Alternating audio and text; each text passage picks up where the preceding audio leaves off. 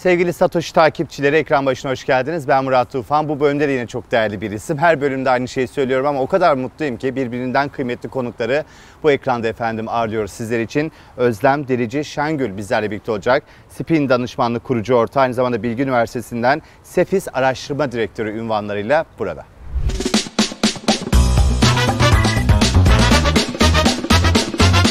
Özlem Hanım hoş geldiniz öncelikle yayınımıza. Hoş bulduk. Ben sizi yıllardır takip ediyorum. Hatta bu piyasaya ilk girdiğim zamanlarda analistken sizlerin raporlarını okuyarak kendimi geliştirdim, izledim, büyüdüm ve sizinle program yapıyorum. Çok mutlu, hoş geldiniz bir hoş kez bulduk. daha. Çok teşekkür ederim davet Hayat nasıl için gidiyor? Murat. E, hayat iyi, güzel. Yani e, şey dışında, normal mesleki hareketlilik dışında. E, çocuk büyüyor, 3 evet, yaşında çocuk, oldu. Aynen 3 yaşını geçti. E, onun dışında üniversite ortamı zaten Evet. insanı hep canlı tutan bir ortam. Yaz olması e, gene e, daha Evet. iyi hissettiren bir dönem olduğunu söyleyebilirim. E, dolayısıyla her şey yolunda diyelim. Çok yani yorucu bir tempo. Bir de tabii çocuk olunca muhtemelen siz hani çalışan bir kadın olarak hayatınızı birazcık daha farklı yaşamaya çalışıyorsunuzdur. Tabii, tabii, kesinlikle. Zorlanıyor musunuz bu anlamda? Ee, biraz zorlandım çünkü e, son dönemde birkaç ay önce yani okula başlatıp yardımcısız artık hayata geçiş, bakıcısız hayata Evet, geçişi yaşadım. Merkeziyetsizliğe alıştırıyorsunuz Aynen, aynen öyle. Onun için çok güzel oldu ama tabii ben yardımcı ile gecede çalışıyorum, hafta sonunda Evet. çalışıyorum. Ekonomistin hayatı biliyorsun gece 4'te Tabii, falan tabii. başlıyor böyle piyasalar açılınca. Aynen. Akşam 11 ABD borsası kapanınca sona eriyor falan. Ya bir de yorumcu kimliğiniz olduğu için hep takip etmeniz de Tabii tabii gerekiyor. kesinlikle yani. hiçbir şey atlamamak Evet. gerekiyor. Ee, öyle olunca şu anda biraz yorulduğum bir dönemdeyim Evet. bu anlamda. Yardımcısız hani ev hayatı, işte çocuğun daha fazla e, şeyi üstümüzde. Geçiş süreci ama eminim İnşallah. uyum uyum Tatlı- sağlayacağız tatlı yani. Tabii tabii bunlar. kesinlikle yani kesinlikle. Allah sağlık versin ve Evet. çocuğunuz inşallah hep böyle çok güzel e, başarılar. Hep sizi mutlu eder ki çok akıllı bir çocuk yani maşallah diye İnşallah, tanışamadım ama anne referansı diyelim. Anne, Çok teşekkür ederim. konuşuyoruz. Şimdi Özlem Hanım dünya da değişiyor. İşte Evet. bizim hayatlarımız değiştiği gibi sizin hayatınızın merkezinizde oğlunuzda olduğu gibi şu anda hayat da değişiyor ve Bitcoin diye bir varlık da hayatımızın merkezine tam olarak geldi. Aslında merkezde demeyeyim çünkü merkeziyetsizliği sembolize ediyor. Ee, siz Bitcoin'e temas kurdunuz mu? Çünkü ben sizin bankacılık dönemlerinizi de biliyorum. Orada araştırma müdürü yaptığınız zamanlarda. Geleneksel bir piyasada büyüdük. İşte en yeni ürün Forex piyasalarıydı ama Bitcoin'e alışabildiniz ve temas kurdu mu Özlem Derici Şengül? Evet evet yani şey e, en başlarından olduğunu söyleyemem. İlk çıktığı zamanlardan olduğunu söyleyemem ama popülerleşmeye başladığı anda burada bir şey oluyor. Yani bir para e, sistemine bir e, yabancı cisim yaklaşıyor e, diye düşünerek artık araştırmaya başlamıştım. E, nitekim her zaten e, mesleğe başladığım zaman da yani çok hani küçük yaşlardan beri öğrendiğim her enstrümanı trade etme, e, o, o şekilde deneme, dinamiği nasıl işliyor e, gibi bir alışkanlığım da vardı. Dolayısıyla onu da yine alsat yaptığım e, zamanlar oldu geçmiş dönemde.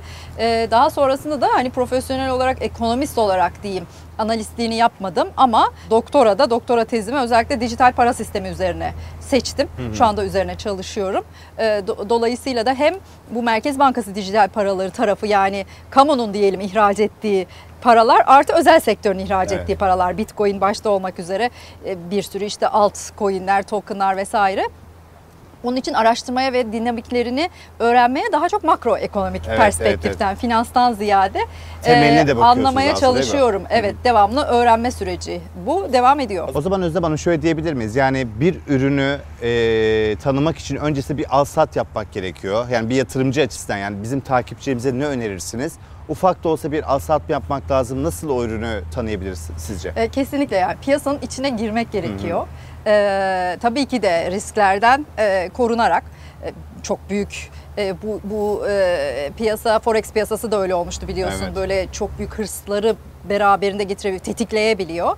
E, çünkü bir anda çok büyük paralarla e, karşıla kazançlarla karşılaşabiliyorsunuz ama aynı ölçüde de kayıplarla karşılaşıyorsunuz. Bu geçtiğimiz dönemde e, Bitcoin'in e, böyle 60 bin dolarların üzerine falan çıkması çok heyecanlandırdı ve büyük kitleleri çok büyük zarara uğramalarına neden oldu. Bunu kastetmiyorum elbette ama e, mutlaka mutlaka hani hiç bilmiyorsanız sadece 100 dolar gibi böyle e, bir büyüklükle birazcık öğrenince yavaş yavaş e, isterseniz e, zaman içerisinde birikim yapacak şekilde isterseniz hani küçük küçük trade edecek şekilde bence piyasanın içinde olmadan dinamiğini öğrenmek mümkün olmuyor. Evet çok haklısınız. Aslında bir taraftan da Bitcoin'de de kripto paralarda da biliyorsunuz kaldıraçlı işlemler yapılabiliyor. Zaten o- oynaklığı yüksek bir üründen bahsediyoruz. Orada kaldıraçlı yaparken herhalde 100 kere düşünmek Tabii gerekiyor. kesinlikle kesinlikle. Ee, aslında öğrenme sürecinde asla ve asla risk almamak gerekiyor. Evet. Kaldıraçlı işlemleri de önce öğrenmemek gerekiyor. Yani ilk önce bir piyasanın dinamiğini, haber takibini, e, analiz analiz yöntemlerini veya analiz edemiyorsak henüz şu aşamada güvenilir analistleri tanıma sürecini geçirmek gerekiyor. Bu da epeyce bir zaman demek aslında. Ekonomik koşullar çok zor Türkiye'de ve şirketlerin Evet. de hareket etmesi çok zor. İşte dolar çok volatil, euro çok oynak olarak gözüküyor. Dolayısıyla onlara böyle danışmanlık verirken zorlanıyor musunuz? Ya da onların artık böyle hani danışmanlık almasa da bu ülke gerçeğiyle yüzleşme gibi bir hani gerçeklikle e, e, karşı karşıya kaldılar mı sizce? E, şöyle ki e, bu hizmetlere ihtiyaç duyan zaten finansal sektörde hizmet verdiğimiz e, şirketler diyeyim zaten makroekonomik araştırmaların olmazsa olmaz olduğunu biliyorlar. E, dış yukarıdan aşağıya diyoruz buna top down approach diyoruz. Yani en genişten makrodan mikroya doğru gidiyor. Hisse değerleme, işte tahvil değerlemeye kadar ve de diğer enstrümanların değerlemesine kadar. E, reel sektör şirketleri ise bu dönemde tabii e, yavaş yavaş da özellikle pek çoğu bütçe dönemine girecekler. Doğru. Önlerini görmeleri gerekiyor. Ee, bunun için neler oluyor? Yani biz neyin içinden geçiyoruz? Önümüzdeki dönem bizi neler bekliyor? Senaryolar ne olabilir? Tabii ki de tek bir e, şey yok. Kombinasyon yok ekonomi tarafında. E, bunları duymak istiyorlar. Çeşitli profesyonellerden e, periyodik olarak bizimle yani düzenli olarak çalışan da var ama çeşitli yönetim kurullarının davet ettiği ve de bize bir anlatır mısın hocam dediği de e, çok fazla şey oluyor. Evet. Sefer oluyor. Siz dijitalleşmeyle ilgili bildiğim kadarıyla bir tez yazım sürecindesiniz değil mi? Evet, Tez evet. mi, kitap mı? Tez diye biliyorum. Tez çalışması, doktora doktoram devam Doktora ediyor. devam. Tezim de dijital para sisteminin makroekonomik etkileri, Evet. dünya ve Türkiye'den örnekler diye e, başlığı. E, bu da işte yani içinden geçtiğimiz e, dönemde teknolojinin getirdiği kolaylıklarla diyelim imkan imkan olduğu için e, artık e, dijitalleşme para yaratma e, sürecine kadar inmiş vaziyette. Kesinlikle. E, Şimdi bakalım onun onun e, pek çok boyut var. Değerlemesini çalışan bazı hocalar var Evet. mesela. E, temel analizini çalışan bazı hocalar var. Ben daha makroekonomik etkileri üzerine. Bunun anlamı da şu. e, sermaye hareketleri değişiyor. Bu, bu sayede sermaye hareketleri değişiyor. Paranın dolaşım hızı değişiyor. Para politikası değişebilir. Se- Merkez bankalarının pozisyonları değişiyor. Değişiyor. Bankacılık sistemi, DeFi, finans sistemini değiştiriyor. Bu boyutları daha çok benim e, çalışma alanım içerisinde. Merkez bankacı nereye gidecek sizce? Çünkü bu tarafta işte sınırsız bir para basabilen merkez bankaları var, FED gibi. Ama bir taraftan da işte Bitcoin'in getirmiş olduğu arzı sınırlı bir mekanizmadan da bahsediyoruz. E, tabii ki dijital dolarla Bitcoin ya da e, kripto paralar çok farklı. İkisinin ortak noktası dijitalleşmesi olması Evet. olabilir belki ama bu merkezden yönetilen bir şeyin dijitalleşmesi ne kadar mantıklı olacak? Yani kapitalizm mi dijitalleşiyor ve daha vahşi boyuta mı gelecek? Merkez bankacılığı sizce nereye gidiyor Özlem Hanım? Ee, Ben biraz daha e, paranın e, yani kapitalizm dijitalleşiyor e, tanımına uyar mı çok emin değilim. E, ancak özel sektörün daha e, içeride olduğu e, paranın e, transfer aracı olarak ve alışveriş aracı olarak kullanılması tarafında paranın üç tane tanımı var e, biliyorsunuz. Alışveriş, değer saklama e, ve de e, birim Birim. yani hesaplama aracı olması. E, Bunlar arasında alışveriş için özel sektörün çok daha devrede olacağını düşünüyorum. Merkez bankacılığı tarafında e, çok çok büyük e, değişiklikler diyelim yani para politikasını dizayn etme anlamında paranın dijitalleşmesi bu anlamda çok büyük şey getirmiyor. Evet. Ama finansal istikrar tarafında hem sermaye hareketleri hem dolaşım hızı e, üzerinden diyelim finansal istikrar anlamında e, belki geçiş döneminde işlerinin zorlaşacağı ancak yeni dönemde diyelim bu dönüşüm gerçekleştikten sonra e, çok daha e, sistemin hani otomatize olacağı diyebiliriz.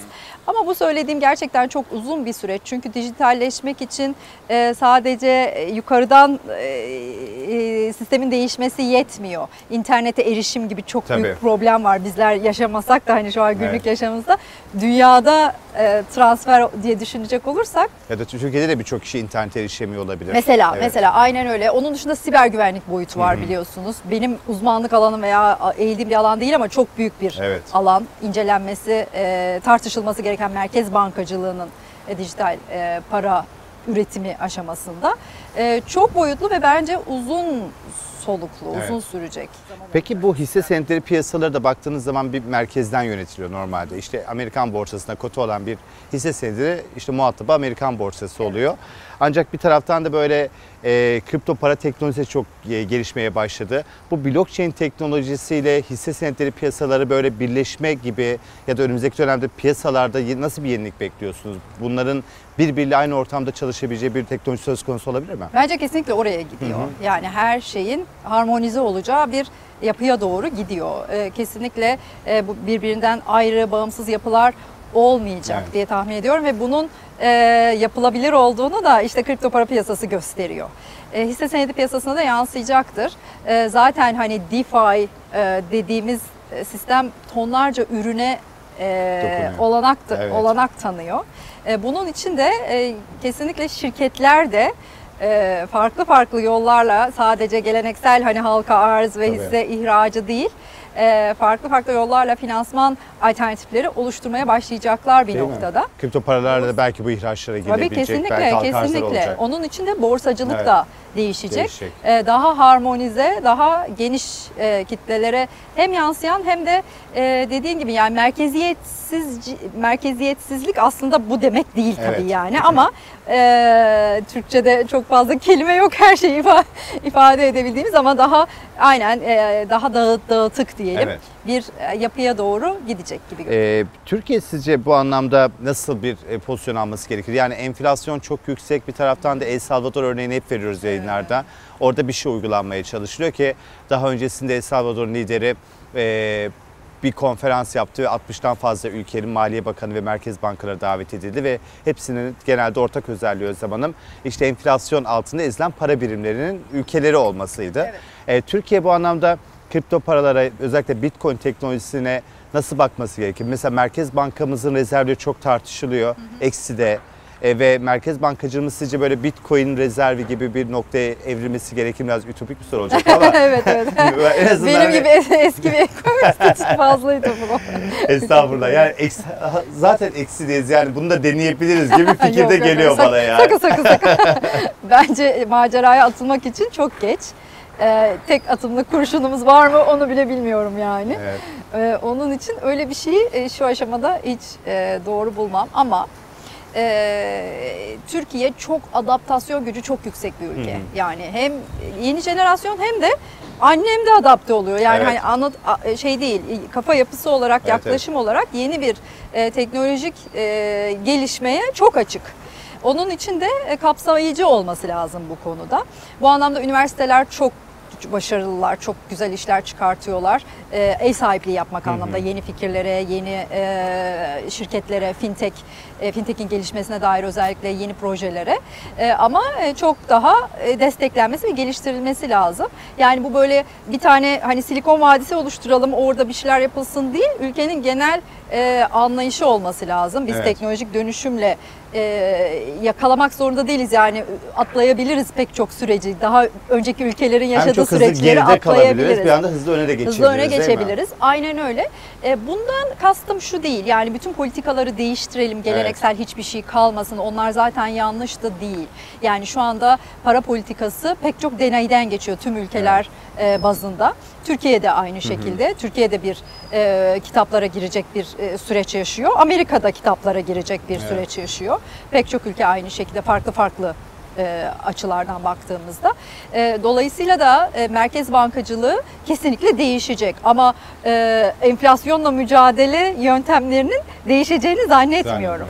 Ha e, şu tabii çok büyük bir tartışma konusu mesela Merkez Bankası dijital para sisteminde faizli mi olacak, faizsiz mi olacak? Bankacılık sistemi ortadan kalkacak, müşteri direkt Merkez Bankası'na mı erişecek? Bankacılık sisteminin fonksiyonu ne Evet. olacak? Bunlar kesinlikle şimdiden düşünülmesi, tasarlanması e, ve de hayata geçmesi için yol haritalarının çizilmesi gereken süreçler. Doğru. E, bütün bunlar gerçekten doğru adımlar atılırsa e, biz yine konvansiyonel yöntemlere başvurup ama doğru bir sistemin içerisinde, yeni teknolojiye dayalı bir sistemin içerisinde para politikamızı, maliye politikamızı, kalkınma politikamızı, sanayi politikamızı yönettiğimizi görebiliriz bir gün. Umarım diyelim. Şimdi tabii e, bu geçiş süreçleri çok fazla konuşuluyor dünyada. İşte sanayi devrimi, tarım devrimi vesaire. O tarafta bu devrimlerin arkasında kalan ülkeler işte milli hasılası eriyor ve geride kalıyor Evet. e, sıralama olarak. Şimdi tam olarak bu dönüşüm süreci sizce dijitalleşme süreci sona erdi mi? E, bitti mi? Çünkü baktığımız zaman Çin ile ABD arasında neredeyse 5 trilyon dolarlık bir değil mi e, pay kaldı. Amerika ekonomisi 25 trilyon dolar, Çin'de kabaca 20 trilyon dolar kadar. E, Çin'in bu anlamda dünya lideri olacağını düşünüyor musunuz? Ve e, ekonominin lideri dünya lideri olabiliyor mu Özlem Hanım sizce? E, sondan başlayayım. Ekonominin lideri, dünya lideri olamaz. E, bugün baktığınız zaman e, nüfus avantajıyla da e, bu aradaki fark e, kapatılabilir. Evet. Yani hani bir politika güder. Hani tek çocuk politikasından beş çocuk politikasına döner. Aradaki farkı bu değil tabii. Yani kalite e, ye vurduğunuz zaman Amerikan ekonomisiyle Çin ekonomisi henüz karşılaştırılabilir düzeyde değil. Ha teknolojiye yapılan yatırım, teknolojik dönüşüm Çin'in yarattığı e, şey ivme diyelim. E, çok önemli bir ivme. Dünyaya da e, ihraç ediyor bu gelişmeleri. Ancak bence e, fersah fersah e, şeyi var. E, arada fark var. Anlayış, bakış açısı, ekonomik sistem açısından. Onun için ben e, yakalamanın e, şey bazında yapılmaması gerektiğini, toplam gayri safi yurt hasıla bazında yapılmaması gerektiğini e, çünkü gayri safi yurt hasıla hesabının içinde tonlarca aksaklık ve sorun da var. Evet. Biz biz hep söyleriz yani kusurlu bir aslında göstergedir gayri safi yurt hasıla. Asıl kalite bazlı, e, gelişmişlik endeksleri bazlı e, bir karşılaştırma olması lazım. O anlamda da Çin oldukça geride tabii Amerika'dan. Evet bir taraftan da kültür emperyalizmi de çok önemli değil mi? Yani Amerika'nın bugün işte baktığınız zaman işte İngilizcenin konuşuyoruz bir Amerikan rüyası deniliyor. Evet, evet, Onu evet. yıllardır sunuyor. İşte Hollywood gibi bir şey var. E, işte hamburgeri var vesaire. Çok basit şeyleri bile bütün dünya tanıyabiliyor. Ama Çin kültür emperyalizmi anlamında şu anda coğrafya olarak da çok uzak. Hani şey olarak da herhalde değil mi? Algı olarak da çok Algı olarak mı? da çok uzak. Bence önümüzdeki dönemde bu anlamda e, biraz daha e, nasıl diyeyim yani kapitalizmin getirdiği o hırsı e, yönetebilen diyelim. Evet. Biraz daha değerlere e, önem veren toplumlar ön plana çıkacak. Bu anlamda Amerika e, baktığımız zaman yani ekonomik sistem olarak çok şey e, agresif diyelim. E, ancak yavaş yavaş iklimle birlikte asıl önemli olanın ne olduğu düşünülmeye başlanıyor. Yani dediğim gibi değerler, insani değerler, haklar, bölüşüm, e, dünyayı koruma güdüsü. E, bu anlamda herkes çok geç kaldı.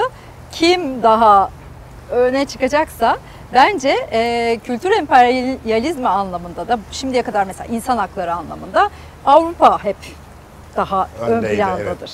E, ama e, dünyayı koruma e, şeyi sorumluluğu anlamında şu an hiç Dünyanın kimse j- yok. Yok. Gerçi Amerika bu jandarma görevini hep üstlenmeye çalışıyor. Evet ama işte anlamında. başarılı olacak mı Evet, yani? evet. Bir yandan da işte bir sürü zarar verecek Tabii. şey de yapıyor, yatırım vesaire de yapıyor. Şimdi önümüzdeki e, iki ya da üç yıla baktığımız zaman Özlem Hanım, daha doğrusu bu sene en fazla konuştuğumuz şey kıtlık ekonomisi oldu Evet. ve konuşmaya devam ediyoruz. İşte Türkiye tahıl koridoru anlamında önemli bir arabulucu görevinde üstleniyor. Bir taraftan işte Rusya, Ukrayna gibi iki tarafla da muhatap olabiliyor. Ama özetle siz de sizin gibi birçok değerli ekonomistin e, ağzından çıkan şey hep şu kelime oluyor. Kıtlık ekonomisi. Evet, evet. Hani dünyayı bu sene ne bekliyor? Biz sizce en kötüyü yaşadık mı? Enflasyon ve işte refah anlamında. Ee, ve önümüzdeki iki ya da üç sene içerisinde özellikle gençler, üniversite mezunu olmak isteyen, siz ki Bilgi Üniversitesi'nde de gençlerimizle birlikte, siz öğrencilerle birlikte onlar ya ne zaman bu dünya toparlanır da biz rahatlıkla işe gireriz vesaire gibi soru işaretleri de var çok haklı olarak. Tabii. Ee, o yüzden bu ekonomi, dünya sizce ne zaman rahata kavuşur? İki ya da üç senesi var mı? Ne dersiniz? Yani ikiye böleceğim Murat sorunu. Çünkü enflasyonda en kötüyü gördük mü görür müyüz? Bence görürüz yakın yani Evet. en kötüyü görüyor gör- görmemiz. Ee, agresifleşecektir. Para politikası da agresifleşecektir. Ee, onun etkileriyle küresel yavaşlama bir araya geldiğinde enflasyonda biz kırılma göreceğiz. Ee, bu belki son çeyrek olabilir. Gelecek seneye en kötü e, bu tarafta artık en kötüyü gördüğümüz ortaya çıkacak. Ama refah da en kötüyü gördük. Hani bundan sonra refah ekonomisine geçer miyiz dersek orada bence e, hiç iyimser bir tablo yok. Bu anlamda da e, biraz önce söylediğim bununla da ilişkili yani bölüşümle alakalı çok kafa yorulması gerekiyor. Pandemi bir parça bunu öğretti.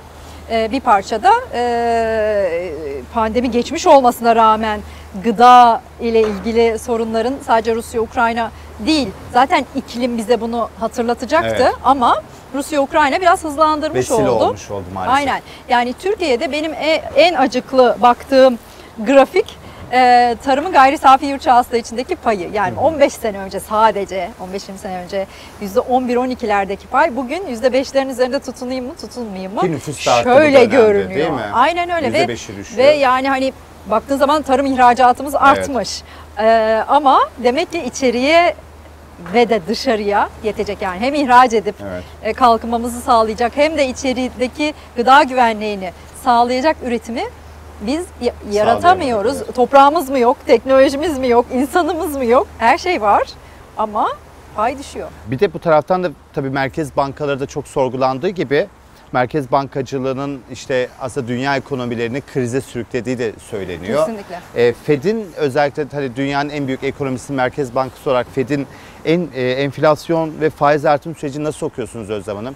Dünyayı bir likite krizine mi sürüklüyor yoksa dünyayı gerçekten de bir enflasyondan ipten al- al- alabilecek bir noktaya mı gidiyoruz? E, çünkü Powell da çok konuşuldu. Yani işte enflasyonla ilgili iyimserlik pompalayarak göreve geldiğini ikinci dönem ya da işte Biden'a bunu garanti ettiği, resesyona şu anda sokmaya çalıştı vesaire gibi çok eleştiriliyor. Dolayısıyla hem Powell'ı hem Fed'in politikalarını nasıl okuyorsunuz? Ben Fed'in politikalarını yani Lehman krizinden beri e, sorunlu buluyorum. Çünkü e, biz bu pandemi dönemindeki parasal genişlemenin provasını e, Lehman krizinden sonra yaşadık. Evet. Ve o dönemde e, ki likidite, verilen likidite, sağlanan likidite e, küresel büyümeyi sadece 3 küsura yükseltebildi. Neden? Çünkü likidite sağlandı, bankalar arası piyasada döndü, finansal piyasalara gitti, bizim gibi ülkelere gitti. Yani 50-60 milyar doların geldiğini görmüştük 2012-2013 yıllarında bir senede. E, ve sonrasında kaldı Evet. piyasada. Yani büyümeye hizmet etmediği gibi geri de çekilmedi. Sırf finansal piyasalar dalgalanmasın diye. Dolayısıyla yani çok şey odaklı, değerleme odaklı, finansal piyasalar odaklı, reel sektörü geride bırakan bir para politikası uygulamasıyla karşılaştık. O para ortadayken pandemi döneminde para basılmasın, para basılmasaydı demiyorum tabii ama o e, riskin şeyini oluşturdu, bazını oluşturdu. oluşturdu. O para normalleşmeliydi.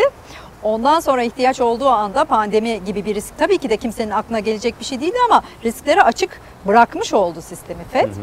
Ee, o kadar yüksek bir şey para basımı artı maliye politikasının devreye girmesi bu sefer finansal piyasalara akmasını değil reel sektöre de girmesine neden oldu nakit akışı sıkışıklığı nedeniyle.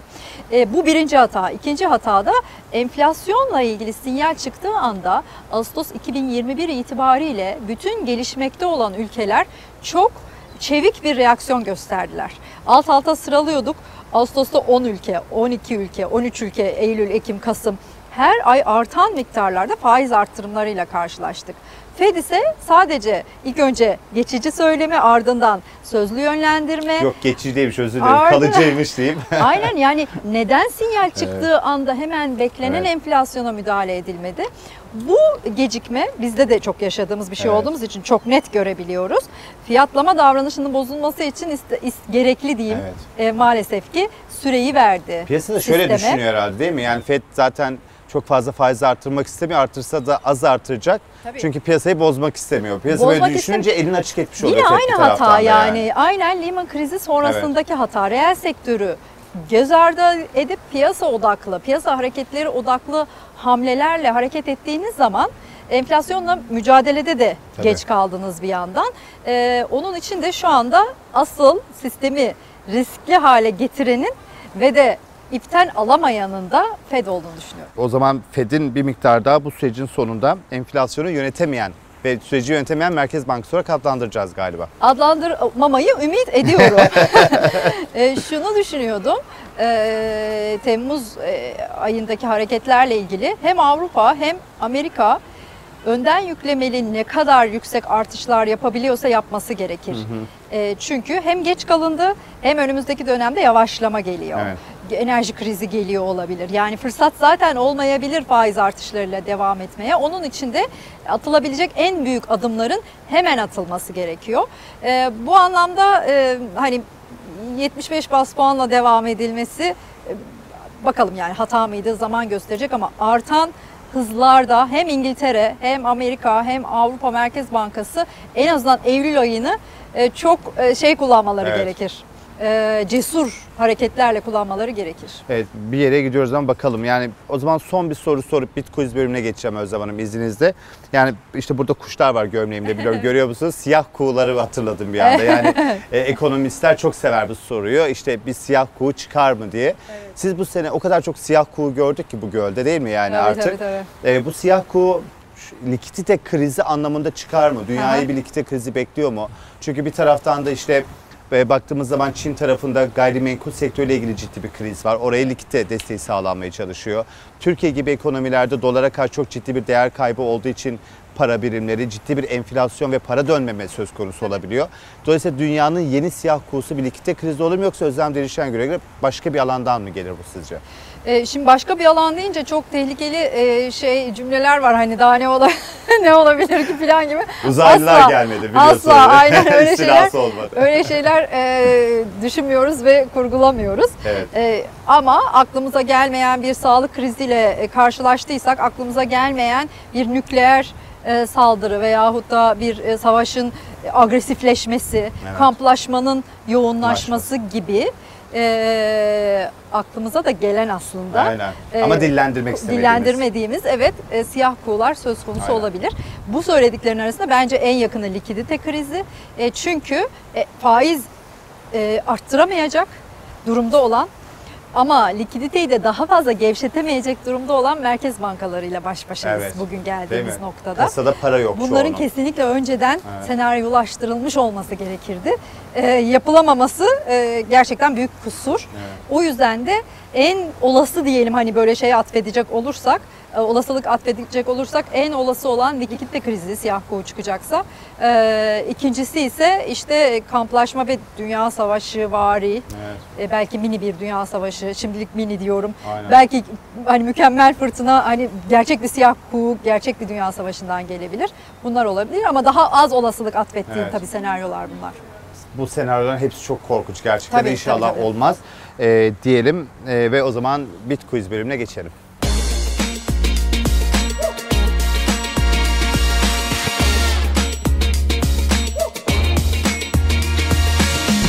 Evet devam ediyoruz Bitcoin bölümünde. Bu defa Özlem Hanım tabii e, artık 3 yaşında bir oğlu var. Anne, aynı zamanda ekonomist. Dolayısıyla çocuğunun da bir taraftan da geleceğini de düşünüyorsunuzdur. Evet, evet, yani eğitimi vesaire. Tabii, kesinlikle. Dolayısıyla e, oğlunuz için bir tasarruf yapmak isterseniz bu tercihiniz Bitcoin üzerinden mi olurdu, altın üzerinden mi olurdu? Altın üzerinden olacak. Yine o değişmiyor değil mi? Henüz, henüz, henüz. Muhtemelen biraz zamana Bari ihtiyacım yastık var altına yani. koy, bir üstüne koyun Hanım. ne yok yok üstüne koy. Üstüne koyarım. Bes yaptım bu arada. Ha, süper. Ee, dolayısıyla hani oradaki kompozisyonla ilgili bir şeyim olabilir. Altın ağırlıklı falan bir belki tercihim olabilir. E, Bitcoin kesinlikle yaparım ama şunu yapacağım diye tahmin ediyorum. Bitcoin birikimi yaptıkça atıyorum belli bir dönem sonra %50'sini alıp geleneksel e, tarafa aktarıp sonra yeniden devam edip orada? onu yine geleneksel. Muhtemelen öyle bir e, şeyim olur. Son soru o zaman çok kısa. Merkezi bir yapımı sizin için çok daha önemli, merkeziyetsizlik mi önemli? Bu hayatın her anlamda olabilir. Ee, şimdi şöyle e, merkeziyetsiz demek blockchain e, teknolojisi için konuşuyorum. Herhangi birinin elinde e, şey yapmayan demek yani monopol e, gücünü bulundurmayan demek. Ama bundan kasıt düzensiz demek değil. Evet. Yani merkeziyetsiz şeyle karıştırılıyor. Regülasyonsuzla karıştırılıyor. Kuralsızlıkla Regülasyonsuz karıştırılıyor. Evet. Değil Evet. kas- kastettiğimiz şey. Bu anlamda kesinlikle merkeziyetsiz, gerçek tanımıyla merkeziyetsiz ama e, regülasyona tabi bir yapı benim için ideal. Süper. Çok teşekkür ederim Özlem Hanım. Ben Vallahi teşekkür sizi ederim. ağırlamak çok bir keyifti. Aynı şekilde bu ortamda hele Aynen. o sohbet çok hoşuma gitti. Çok güzel Çok oldu. Yani ederim. sizi hep böyle takip ediyorum, şey yapıyorum ama bir türlü birebir yayın yapamadık ama bugüne kısmetmiş diyelim. Özlem Derici Şengül'le efendim programımızın sonuna gelmiş olduk. Tabii Satoshi TV takipçileri yorum yapmayı ve e, beğenmeyi hiçbir zaman unutmuyorlar. O yüzden hiç hatırlatmıyorum. Görüşürüz.